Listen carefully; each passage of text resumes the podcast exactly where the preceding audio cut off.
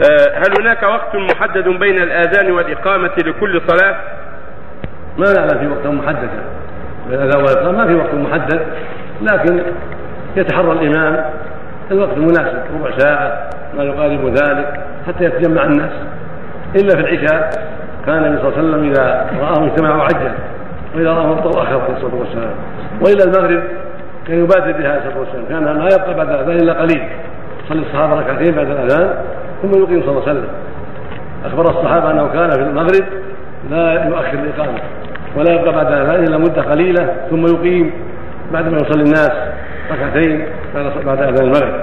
وأما الظهر والعصر والفجر والعشاء فلا يتحرى الإمام في ذلك الوقت المناسب الذي يجمع الناس ويرفق بهم إذا أذن يحتاج هذا يتوضأ أن يكون عليه غسل فلا يعجل.